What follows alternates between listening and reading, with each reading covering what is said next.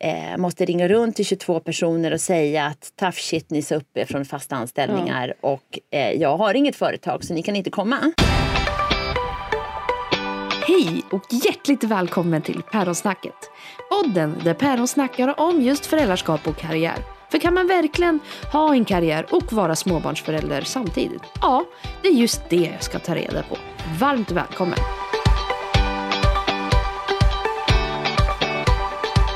Hej och hjärtligt välkommen till dagens avsnitt. Jag kommer få träffa Maria Mattsson Mähl, den prisbelönta välfärdsentreprenören, investeraren och grundaren av 17-nätverket. Hon fick sitt första vd-jobb som 23-åring nästan direkt efter universitetsstudierna. När hon var 26 så fick hon sitt första barn och hade då sitt andra vd-uppdrag. Tre år senare föddes hennes son och då var Maria politiskt aktiv och satt i landstingsstyrelsen samt landstingsfullmäktige för Liberalerna. Båda barnen har ammats på styrelsemöten, de har suttit när Maria har stått i talarstolen eller varit på scenen. Nu är de vuxna och Maria kan se tillbaka både på dåliga och bra erfarenheter från den tiden. Men mest positiva tror jag. Idag så kommer vi diskutera lite om tips och råd och du kommer även få höra hur hon har fått ihop det här med jobb och småbarnsliv. Vi pratar ju väldigt mycket just att hur hon har haft barn på jobbet och vad det finns för karriärmöjligheter för föräldrar.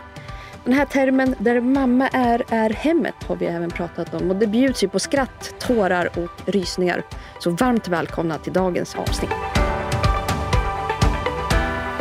Hej Maria! Hej KM, vad roligt att vara Hur är här. läget? Ja, det är ju lysande. Det är ju roligt att få hänga med dig. Ja. ja, det är så roligt att du är med. Och jag tänker så här, vi kommer kastas in direkt i det här this or that. Fem snabba frågor. Kör! Okej, första frågan. Ordning och reda eller ordning via kaos? Alltså jag är så slarvig så att jag måste ha ordning och reda. För annars, liksom, jag måste hitta saker direkt. Så att, eh, jag är egentligen ordning i kaos. Men det funkar inte riktigt med mitt liv. Så att, ordning och reda. Okej. Ja, det var Glasklart, eller hur? väldigt snabbt, väldigt snabbt svar. Okej, nästa.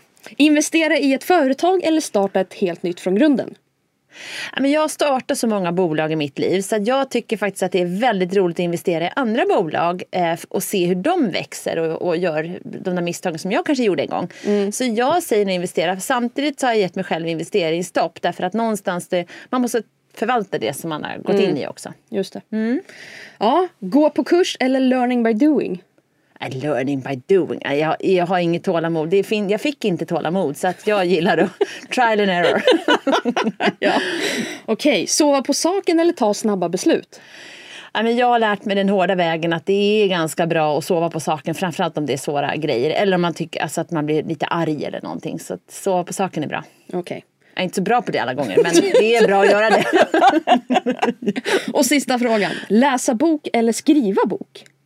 Jag läser galet mycket böcker eh, faktiskt. Eh, jag läser gärna två, tre böcker om dagen och jag läser snabbt. Men jag har inte alltid den tiden att läsa två, tre böcker. Men när jag är ledig så gör jag det definitivt. Så jag läser sjukt mycket böcker och ofta biografier och faktaböcker. Mycket människor. Jag har jobbat som bokförläggare i sju år så att alltså det, Det är din jag grej. gillar. Ja, det är faktiskt en av mina grejer. För jag menar, de som inte vet om det, du har ju skrivit en bok.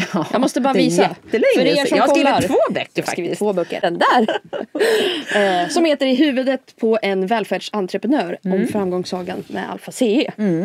Och det är ju så här, varför jag tog med den här, vi ska ju inte prata om din bok egentligen. Nej. Men jag har ju alltid fastnat för baksidan och jag vet inte om du kommer ihåg vad som står här.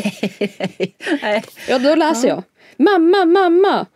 Vem är det som har dött?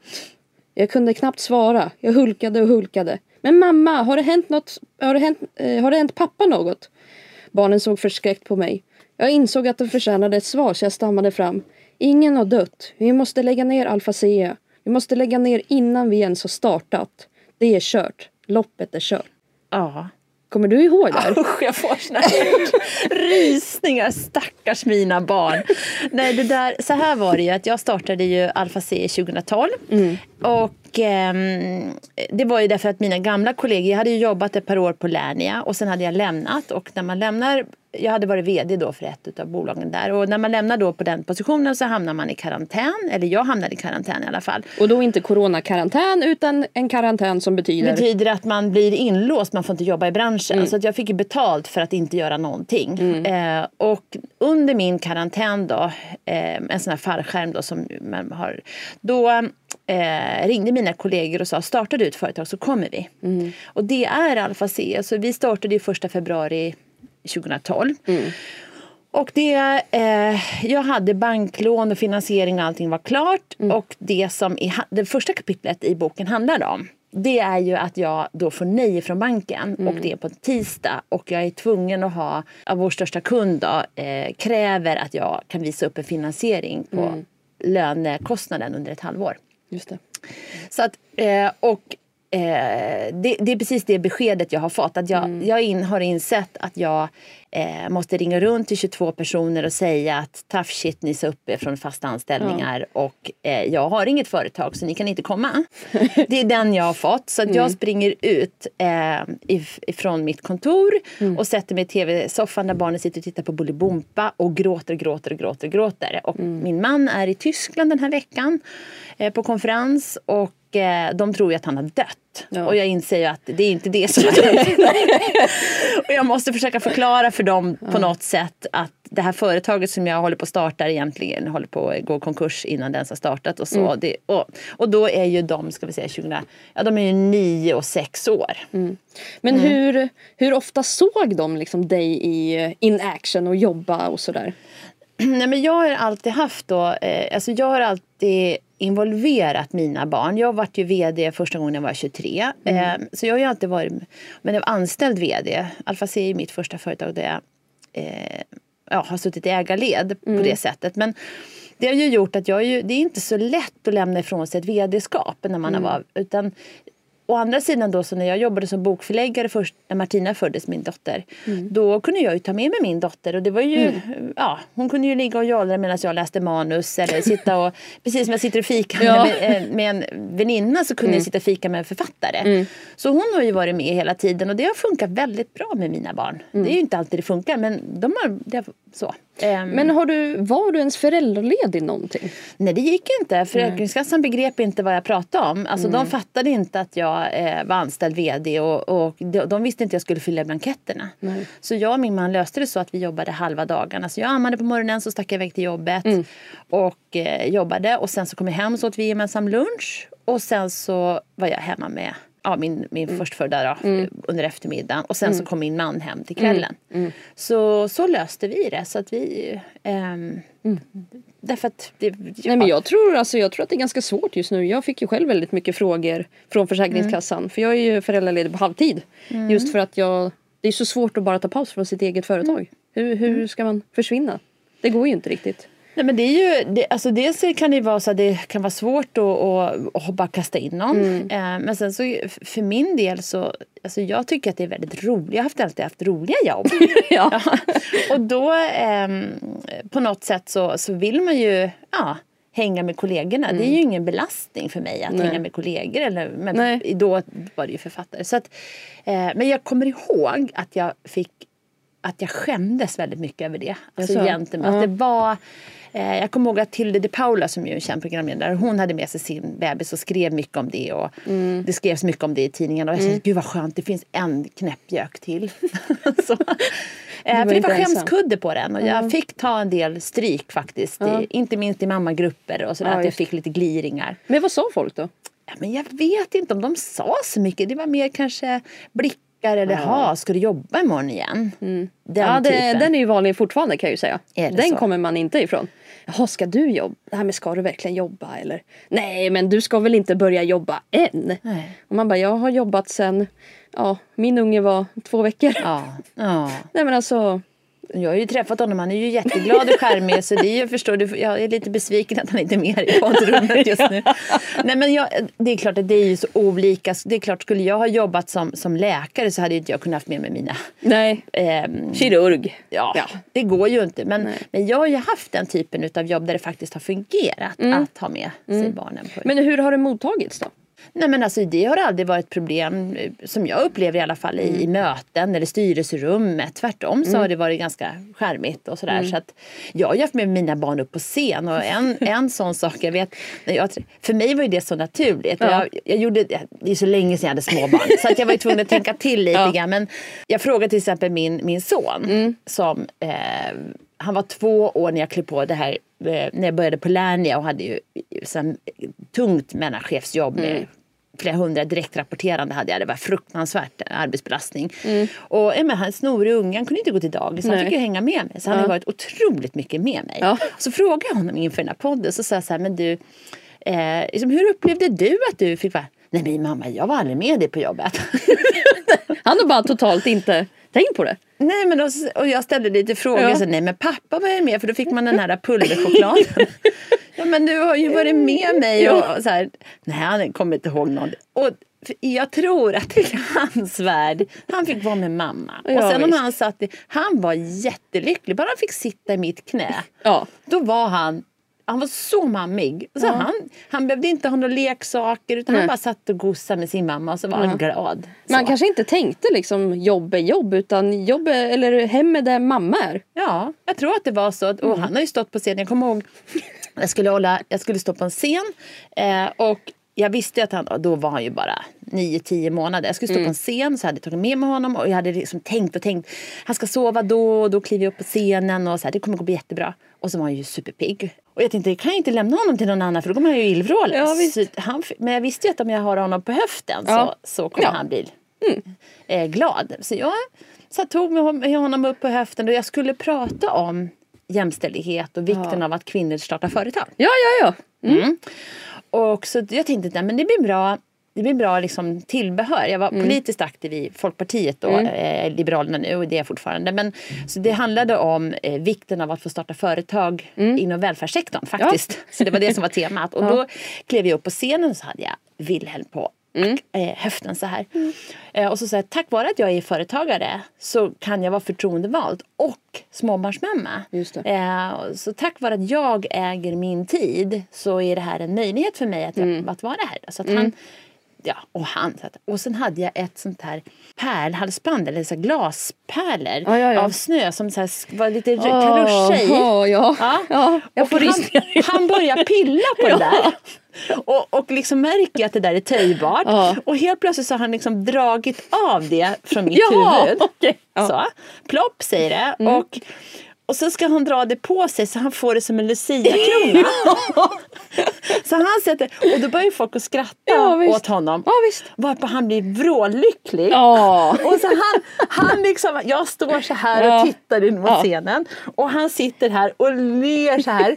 Och så har han den här runt huvudet. Och folk skrattar hela församlingen. Det är toksuccé. Och han förstår att det är det här, mig, det, är är min grej. Det är mig de skrattar åt. Så han liksom Oh. Och det blev ju, det vart första sidan i Enköpings-Posten. Ja, ja, ja. Och, så här, och sen så ringde UNT dagen efter och så sa så här, vi hann ju gå, det här PR-tricket som du ja. ägnade dig åt igår. Du hade väl kunnat informera Nej, oss om det?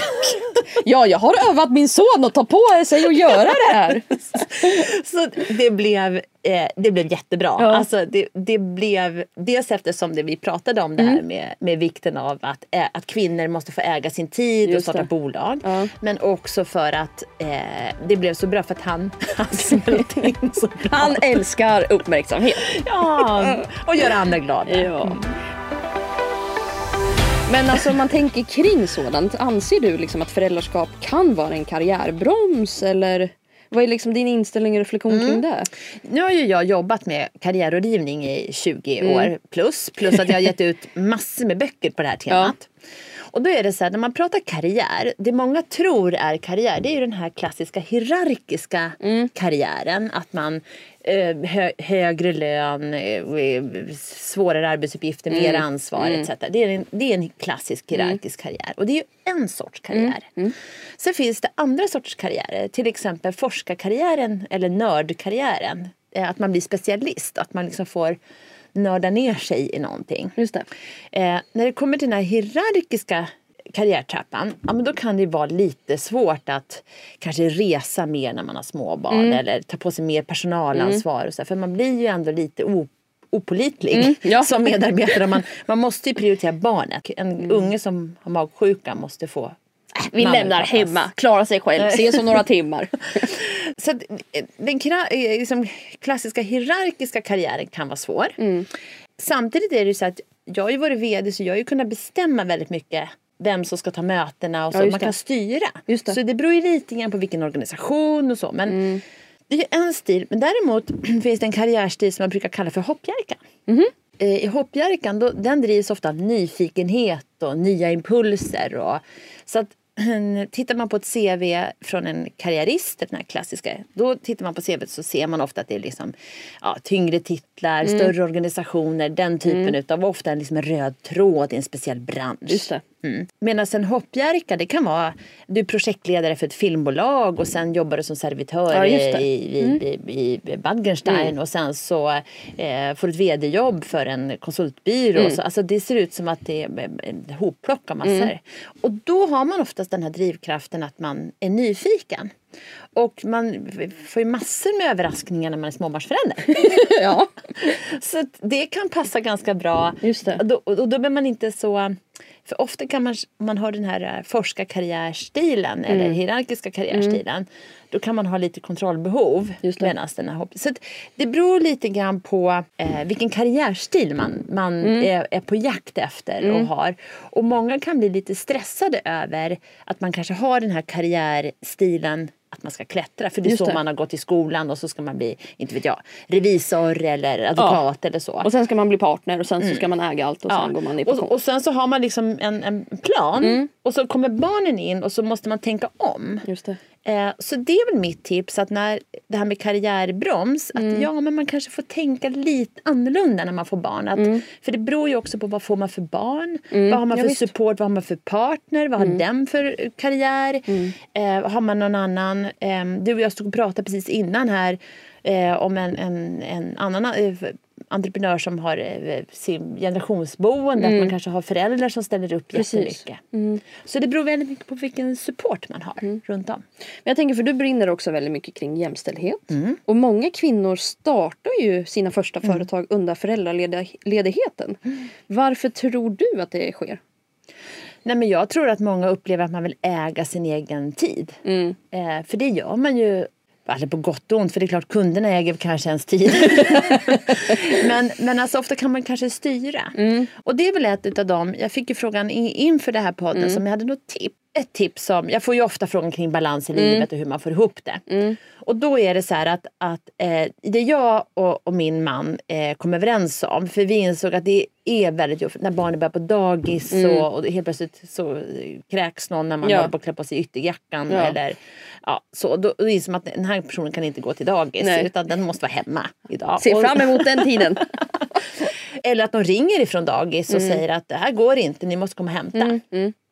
Mm, mm. Så då eh, vad är mitt tips? Att man har, vi hade fasta dagar. Just så att, eh, min man hade måndag, tisdag, onsdag och Mm. jag hade torsdag, fredag. Det betyder att ringde någon ifrån dagis eller var någon sjuk eller någonting så var det en torsdag morgon så var det självklart, det var mitt ansvar. Okej, Var det en onsdag morgon så var det självklart, det var Stefans ansvar. just det. Mm. Så att det var inget snack på morgonen. Och det där, Nej. eftersom vi visste det så kunde jag ju också informera min ledningsgrupp och personer runt omkring.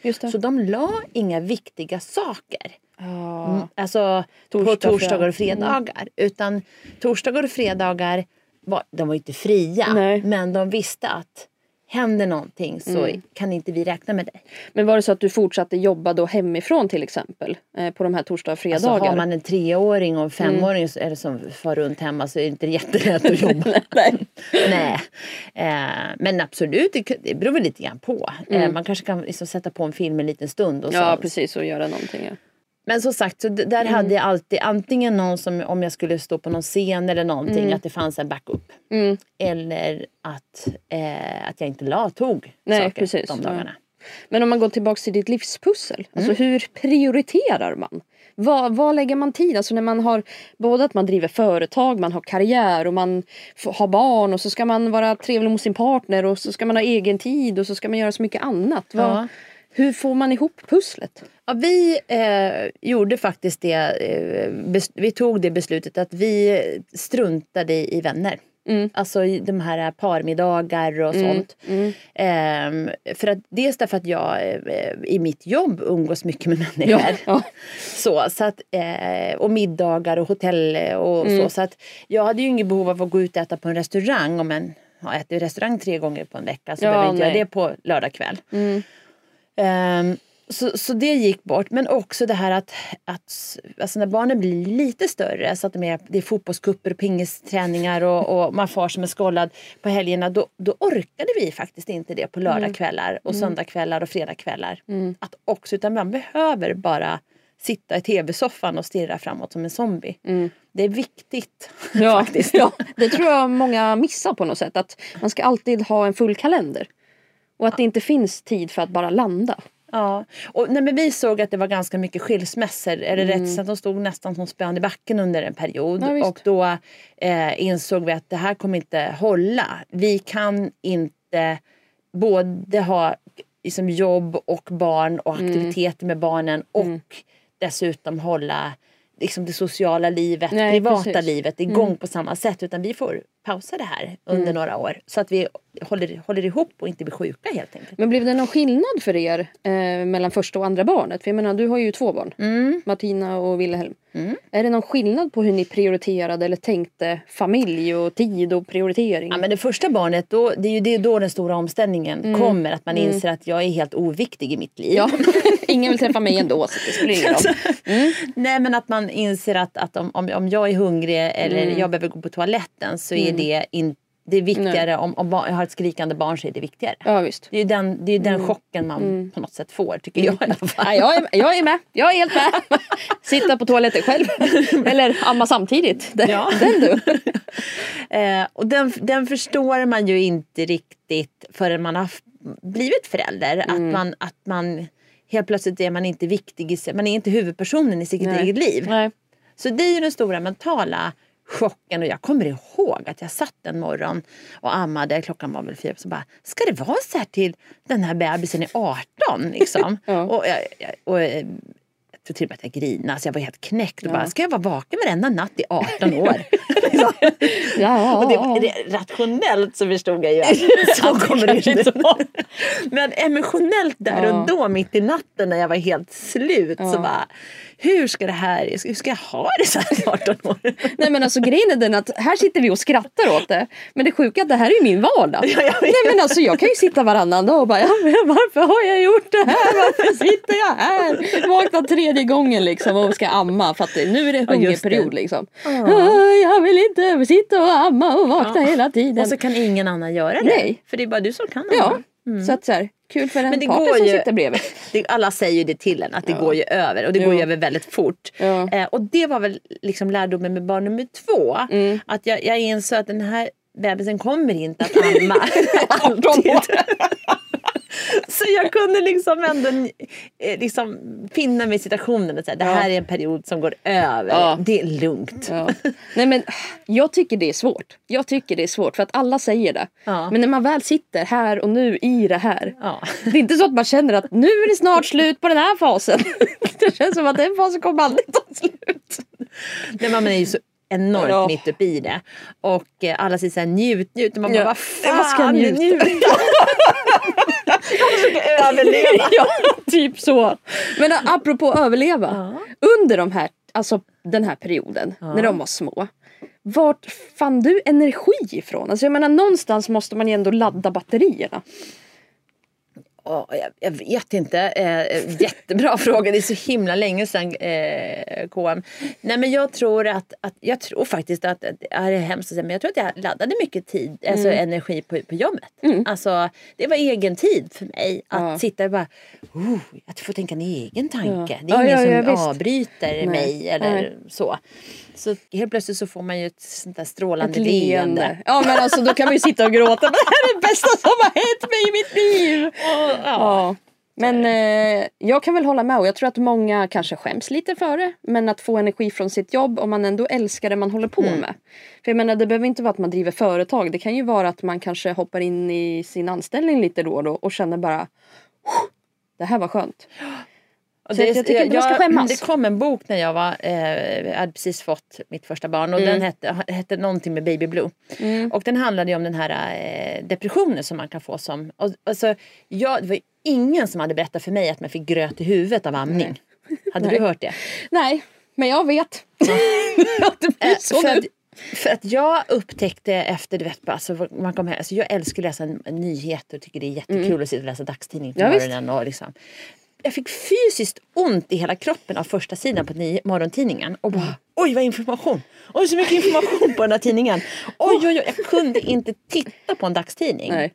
För det var för mycket information ja. där. Ja. Vad är det som har hänt? Alltså, och, och, och sen då i den där, den där boken då, som handlade om den här, eh, mm. man, det har ju att göra med att när amningen går igång så ska man liksom, det är hormoner som gör att man ska ju tycka eh, tydligen då att det är jättemysigt att bara mm. vara nöjd ja. med att sitta med en liten gullig bebis. Mm.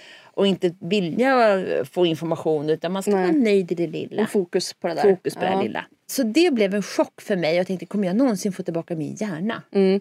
Eller ska det, ska det vara så här nu? 18 år till. så det, det mm. där... Eh, ja, den, det, och det kan jag tänka mig just att många eh, kanske man just haft ett stimulerande jobb och får mm. tänka mycket att man mm. upplever att vad händer med mitt liv? Vad händer med mig? Just det. Mm. Ja, för att jag har ju förstått att det är många som känner att de tappat sin identitet mm. när de blir föräldrar. Oavsett om det är egentligen en man eller kvinna utan så fort man går på föräldraledighet. Att då blir man liksom så här, vem är jag mm. egentligen? Har jag läst olika mm. källor. Mm. Men frågan är ju liksom jag vet inte själv om jag känner så men det är kanske bara för att jag aktivt jobbar hela tiden. Mm. Tror, har du, känner du någon som upplevt något sånt eller hört talas om det? Eller? Nej jag vet, jag vet inte. Det är liksom, jag, har ju, jag har ju kommit igenom den här fasen mm. och jag tror att Eh, alltså, jag tror att många som, när man får barn, det är så pass omvälvande och mm. när man har småbarn så är det så pass tungt så att eh, man tror en massa saker om sig själv och ja. så man, man, kanske prioriterar om lite ja. i värderingar och vad som ja. är viktigt och så. Eh, men när, alltså, sen kommer man ju ut på andra sidan och mm. då är inte det där så stora frågor. Nej. Men ändrade du din livsstil någonting? Absolut. 100%. På vilket sätt? Ja men det som jag sa, va, så, så vi hade nog ganska mycket så här, umgänge och träffade folk ute på krogen och, mm. och hade mm. liksom middagar och sånt. Det, det, det prioriterade vi ju bort. Mm. Um, och sen så har ju jag, jag har ju involverat mina barn väldigt mycket, tagit med dem mycket på mm. jobb och, och så. Uh, och det hade jag kanske inte riktigt tänkt mig. Mm. Jag måste också säga att jag är, kanske just det då har gjort att jag är, jag är nog mer tajt med mina barn än vad jag trodde att jag skulle vara. Mm. Mm. Det, liksom ett, nu driver ju vi lite familjeföretag ihop och så. så att, ja. Men vi, ja, vi ser oss nog som en, mera som en helhet mm. än som delar. Och det tror jag är en, en bonus eller ett resultat av att jag alltid har involverat dem väldigt mycket. Mm. Att de har alltid känt sig. Jag kommer ihåg jag kommer till exempel ihåg när jag blev erbjuden vd-jobbet på, på Lernia och det här var sommaren 08 så min äldsta dotter var ju sju år. Mm. Och jag hade jobbat sjukt mycket på Lernia mm. och varit väldigt, väldigt framgångsrik. Och det var ju också därför jag fick det här vd-jobbet. Mm. Och eh, jag hade inte sökt vd-jobbet utan min eh, chef ringde, eller inte min chef utan koncern ringde och sa att jag ser att du inte har sökt jobbet. Mm. Och då så sa jag nej det har jag verkligen inte för att om jag söker det jobbet då kommer folk tro att jag har hybris. Ja, okej. Okay. För det, jag, det var så lång hierarki emellan, det var så många hopp emellan. Mm. Ja, fast skulle vilja ha jobbet, absolut jag vill ha jobbet. Men, eh, eh, jag, kan bara, eh, men jag kan inte söka det om jag inte vet att jag får det. Mm. Och då sa han, men då träffas vi och diskuterar det och sen så behöver vi inte gå, det behöver bara du och jag veta. Mm. Och då, så då skulle jag åka ner till honom där mitt i sommaren eh, och träffa honom. Och då tänkte jag, jag måste kolla det. För jag, det här var ju alltså, jag skulle då bli vd för all jobbcoachverksamhet i ett statligt bolag. Och det här ja. var sommaren 08. Hösten 08. Och inte litet liksom. Det är ju väldigt det var, stort. Det, var, det, det, existerade inte. Det var Nej. noll kronor i omsättning. Ja. Vi skulle bygga hela organisationen. Ja. Så vi byggde en organisation med, med 150 anställda på tre månader. Och sen kom ju lågkonjunkturen och det, mm. vi förstod ju också på sommaren där att nu kommer komma låg, alltså finanskrisen mm. för det hade mm. börjat komma lite svarta rubriker. Så det var ju jag och eh, Stefan Löfven som då ordförande för IF Metall som åkte runt på de här. ja. ja, så när, när det var Volvo Cars och mm. Saab skulle läggas ner och så då stod ju jag bakom tv-kamerorna. Så det, det, det vart ju ett jättetungt jobb. Och jag förstod ju det här. Så nåväl, tillbaka till Martina. Eh, vi var ute och handlade, vi stod, var det skulle gå handla mm. mjölk eller något sånt på Ica. Så vi gick och höll varandra i handen mm. och gick och småpratade. Och så sa du Martina, så här, jag har blivit erbjuden ett jobb. Mm. Eh, och ska... Eh, och jag funderar på om jag ska ta det. Mm. Jaha. Ska du inte jobba kvar på Lernia? Jo, det är ett jobb på Lernia men det är ett annat jobb. Ett, eh, kanske jobba mer. Jag hade jobbat jättemycket. Ja. Ett viktigt jobb, sa hon. Ja, det är ett viktigt jobb. Det kommer nog bli många som behöver eh, hjälp här. Ja. Skulle du göra jobbet bra? ja, jag tror att jag skulle göra jobbet Det här är bra. en sjuåring. Det här är en sjuåring. Ja. Skulle du göra jobbet bättre än någon annan? Ja, Det vet jag ju inte för jag har ju inte provat. Men jag tror att jag skulle Ja. göra jobbet bra. Mamma, då stöttar vi dig. Nej men, nej men alltså. Ja. Och det betydde otroligt mycket för mig. Mina mammahormoner är igång. Det betydde så otroligt mycket för mig. Alltså för henne, hon förstod nog inte riktigt vad hon nej. sa där sju år. Men ändå. Men hon kände sig involverad. Mm. Och jag, när jag då bodde på hotell i Göteborg Mm. och Malmö och for som en skottspoling så kände jag ändå att jag hade frågat. Och hon hade sagt okej. Mm. Så. Eh, och sen var det på fritids, det berättade fritidsfröknarna då att när de, skulle- om någonting hände Ja. så, så, så kom ju Martina med Wilhelm eller Ja. med Martin så kom ju fröken, så kom hon springande. Ring inte mamma hon jobbar med lågkonjunkturen, ring inte mamma.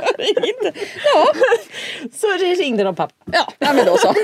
Så hon hjälpte till. Men alltså är inte det ganska fantastiskt att de har ändå varit så involverade? För mig har ju det ändå varit det enda sättet Mm. liksom att, att eh, ta- ha de här jobben. Att jag har känt att de, de måste veta vad det är jag gör på dagarna och, Ja. och sådär. Att inte bara mamma försvinner in i en bubbla. Men för jag tänker tillbaks till det här att Villa inte trodde att han var med utan liksom det, när han är med dig så är han hemma. För jag har ju förstått också att de gillar ändå att sitta på ditt kontor just nu och jobba eller liksom komma förbi när de har pluggat och alltså har det blivit deras andra hem på något sätt? Alltså de brukar säga att de, eh, de har ett lilla syskon och det Mm. är företaget. Okej, Ja. okej. Vi har en bebis hemma. Mm, det är en bebis, okej. Ja. Det var härligt ändå. Men på något sätt så känner jag liksom, för när man har fått träffa er allihopa, Mm. ni är ju som sagt väldigt tajta. Det var ju som du säger själv. Och jag tror det är för att du har ändå bjudit in så mycket istället för att vara rädd. Men jag tror så här, barn ser ju om en förälder är stressad eller om Mm. man mår dåligt eller om man har mycket på jobbet. Alltså de känner av det. Mm. Och då, då har jag tyckt så här, det är bättre att jag berättar att, att nu är jag jättemycket på jobbet. Jag ber om ursäkt ifall att jag inte mentalt Mm. Nej, är det. här. Ja. Så. Mm. Än att de bara känner att mamma är Mm. För då blir ju risken i att de blir griniga eller Ja, kastar sig visst. på golvet. Alltså, Ja. eller Ja, ja, ja, ja, uppmärksamhet. Och, det, ju- och så jag är ofta så här, Wilhelm hade ofta så här, mamma, mamma, mamma, mamma, nu är jag här, nu är jag här, nu är det jag. Och då Ja. får man ju bara, ah, visst ja, jäklar. Alltså, Ja, de det. känner Barn, han, han ja. ser direkt på mina ögon Ja, om jag inte är med honom. Utan ja jag är just med det jobbet. att du är i. Ja. Fast det är väl bra? Ja, det är jättebra men, men det är svårt också att vara med. Sitta och bygga lego Ja, och pussel och så Ja. bara mamma, mamma vi är här nu. Ja, du bara ja okej vi är här, vi är här, Nu jag ska, ska sluta. pussel. Ja, jag har pussel, ja den där kanten visst. Men alltså om man tänker också till småbarnsåren. Mm. Kommer du ihåg om det fanns någon fas så att det var lättare eller svårare till exempel? Så men vad var den roligaste delen till exempel i småbarnslivet? Alltså jag tycker att, att det var väldigt roligt när barnen började bli sådär så att de började upptäcka världen. Mm. Alltså, små saker blir så stora i ett barn. Så alltså, helt plötsligt så, så måste man stanna på när man är jättestressad och, och så måste man stanna och titta på nyckelpigan. Ja. Och så ja. är det det viktigaste. Ja. Och att då försöka säga så här, men vänta, vad är viktigt på dödsbädden? Mm. Är det att jag hann till mötet? Eller är det att vi har stått och filosoferat om nyckelpigan? Mm. Fattar, fattar. Nyckelpigan är viktig faktiskt. Den är bra, den är bra. Så att det, alltså, då gäller det verkligen så här, vänta, vänta, vänta, vad är viktigt i livet? De här stunderna liksom. Men kunde du då liksom slappna av på något sätt? Ta ner stressen och inte bara ah, vi måste iväg utan nej nu Både blev det. och. Alltså, Ja. herregud. Ja, du är ju människa. backat in i någonting Ja. för att jag är så jävla stressad över att jag höll på att komma sent till någonting. Ja. Eller, jag kommer ihåg, det som, jag, jag, jag, eftersom jag har ju jobbat mycket så har jag alltid liksom, är, är jag en bra mamma och sådär. Mm. Jag kommer ihåg en sån här tagg som sitter i, nästa fortfarande sitter kvar. Den är, Ja, jätte, den är supertöntig. Så Okej. nu ska du få en riktigt töntig. Japp. Jag hade, eh, min man hade lämnat min dotter, den här skrattar vi om hemma. Mm. Eh, min man hade lämnat min dotter, hon var väl typ ett och ett halvt eller Ja. sånt. Och då hade jag eh, på dagis. Och då hade jag köpt på, på eh, Lindex ett par strumpor. Den, den, den, den ena är liksom, så här, två par, du vet man kan köpa två par. Eh, den ena hade, var gul med, med rosa blommor på sockorna och den andra var rosa med gula blommor på. Alltså de, så. Ja. Mm. Och när jag då hämtar min dotter på dagis så har han ju lyckats ta omatchande Åh strumpor. nej, jag fattar.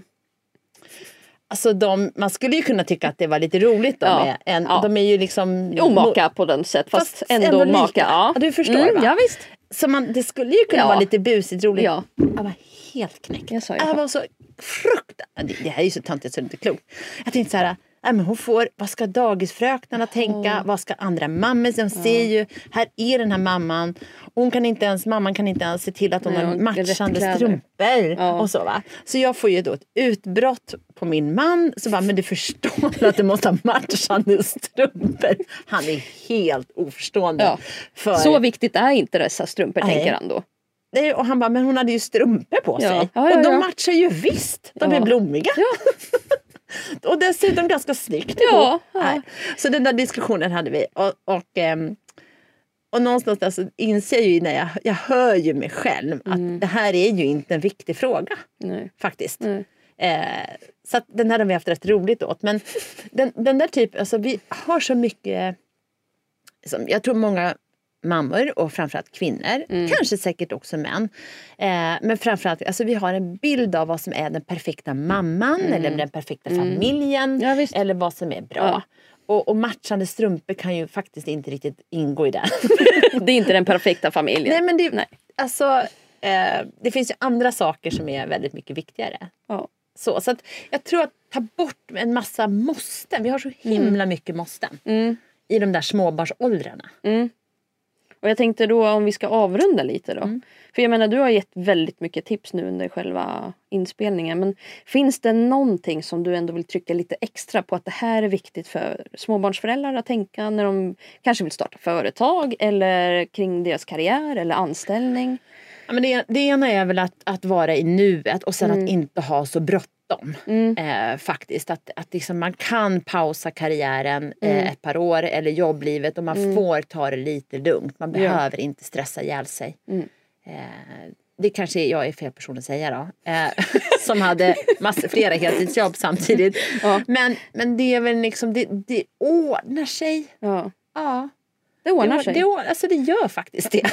Ja, av någon anledning så gör det. Fast man vet inte just där och då att det kommer göra det, men det gör det. Det gör verkligen det. Och det blir oftast mycket bättre än vad man hade tänkt sig Ja. i slutändan. Ja, det är super.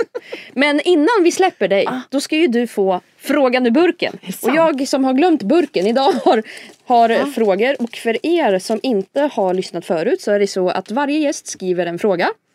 Som läggs i en burk. Som nästa gäst får uh, dra ur den här burken. Och så har vi även lite extra frågor från början. Så att det är väldigt högt och lågt. Jag har ingen aning vem som har skrivit vilken fråga. Eh, och uh, Maria kommer också få skriva en fråga efteråt. Så att eh, det är bara att dra en fråga och så får du Ta läsa det som högt. ligger närmast Ja, då. får läsa högt. Ja. Då ska vi se, vad kan det här vara? Oj, oj, oj. Oj, det var en lång fråga. Lång fråga. Vilken superkraft skulle du vilja ha för en dag och varför? Oj, jag har aldrig funderat på det, vad man skulle vilja ha för superkraft. Eh, faktiskt. Eh, vilken superkraft skulle jag vilja ha och varför? Oj, den här har man behövt förbereda. Jag tror att ehm, mm, en dag, jag skulle vilja ha en superkraft jämt. Ja. Men en sak som jag faktiskt ofta funderar på. Jag, jag tycker själv att jag är väldigt fördomsfri. Mm. Så. Eh, och så kommer jag på mig själv att det är jag inte alls. Eh, massor med fördomar hela tiden. Eh, så jag tycker att att vara fördomsfri det är en superkraft och den skulle jag vilja ha. Därför att jag tycker att man låser in sig själv alldeles för mycket. Det skulle verkligen, eh, alltså man, man upptäcker själv, tycker jag, eller jag gör det i alla fall, att man bara, men vad fasen varför tyckte jag så här? Alltså att man har en massa fördomar om sig själv, om andra, om hur man ska göra och sådär. Och det är väl en sån superkraft jag skulle vilja ha, att inte ha några som helst fördomar. Och då tycker jag ändå att jag är ganska fördomsfri. ja. ja, men det är superbra. Så för att det begränsar oss så mycket. Ja. Så tänk om vi inte hade några fördomar. Förstå vilken superkraft skulle det inte vara? Nej, det är, så har inte jag tänkt, men eh, det var faktiskt en helt ny grej. Nej, men skitbra svar, verkligen. Mm. Men eh, Maria, då vill jag också bara tacka för att du har velat vara här och bara bolla lite med mig. Liksom högt och lågt kring föräldraskap och karriär och liksom vad du tycker och Ja, tänker. vad roligt. Och tack KM för att du har startat den här podden. Jag hade verkligen behövt den här podden Mm. när jag hade småbarn. För jag funderade mycket på de här frågorna också faktiskt. Och brottades Mm. eh, med hur får man ihop livet och gör jag rätt nu och Ja. prioriterar jag rätt Ja. nu. Och, och att man inte känner sig ensam tänker jag. Att vi ska vara en liten varm kram för de som känner att det är tufft. Liksom. Ja. Eller jag vet inte vad Och jag ska göra. Mm. ol- olika människor gör på olika sätt. Man kan, det finns inte en lösning. Nej, det finns precis. lika många lösningar som det finns föräldrar och bebisar. ja. men så är det verkligen. Ja, verkligen. Och stort lycka till då med framtidsresor. Man vet alltid att du har alltid nya projekt. Så att vi får väl se vad som händer sen. Jajamän. Du är med förälder. Ja, Lycka för till. det, ja, tack snälla. Hej svejs! Hej hej! Du har precis lyssnat på Päronsnacket med mig, Klara Maria Mach. Gillar du podden får du gärna prenumerera och recensera. Kika gärna in Entreprenörsmamsens Instagram eller hemsida för att säga hej, tipsa på vem du skulle vara med i podden eller bara dela med dig av din historia. Jag skulle även vilja rikta ett stort tack till Salgado för att vi har kunnat spela in detta avsnitt hos er. Salgado är en strategisk digital byrå som hjälper sina kunder med digital marknadsföring. Så behöver ni hjälp med er marknadsföring kan jag varmt rekommendera Salgado. Deras expertisområde innefattar creative content production, sökmotoroptimering, annonsering på digitala kanaler och chatbotutveckling. Ja, som med andra ord hela er digitala närvaro. Men jag vill även rikta ett stort tack till dig som har lyssnat.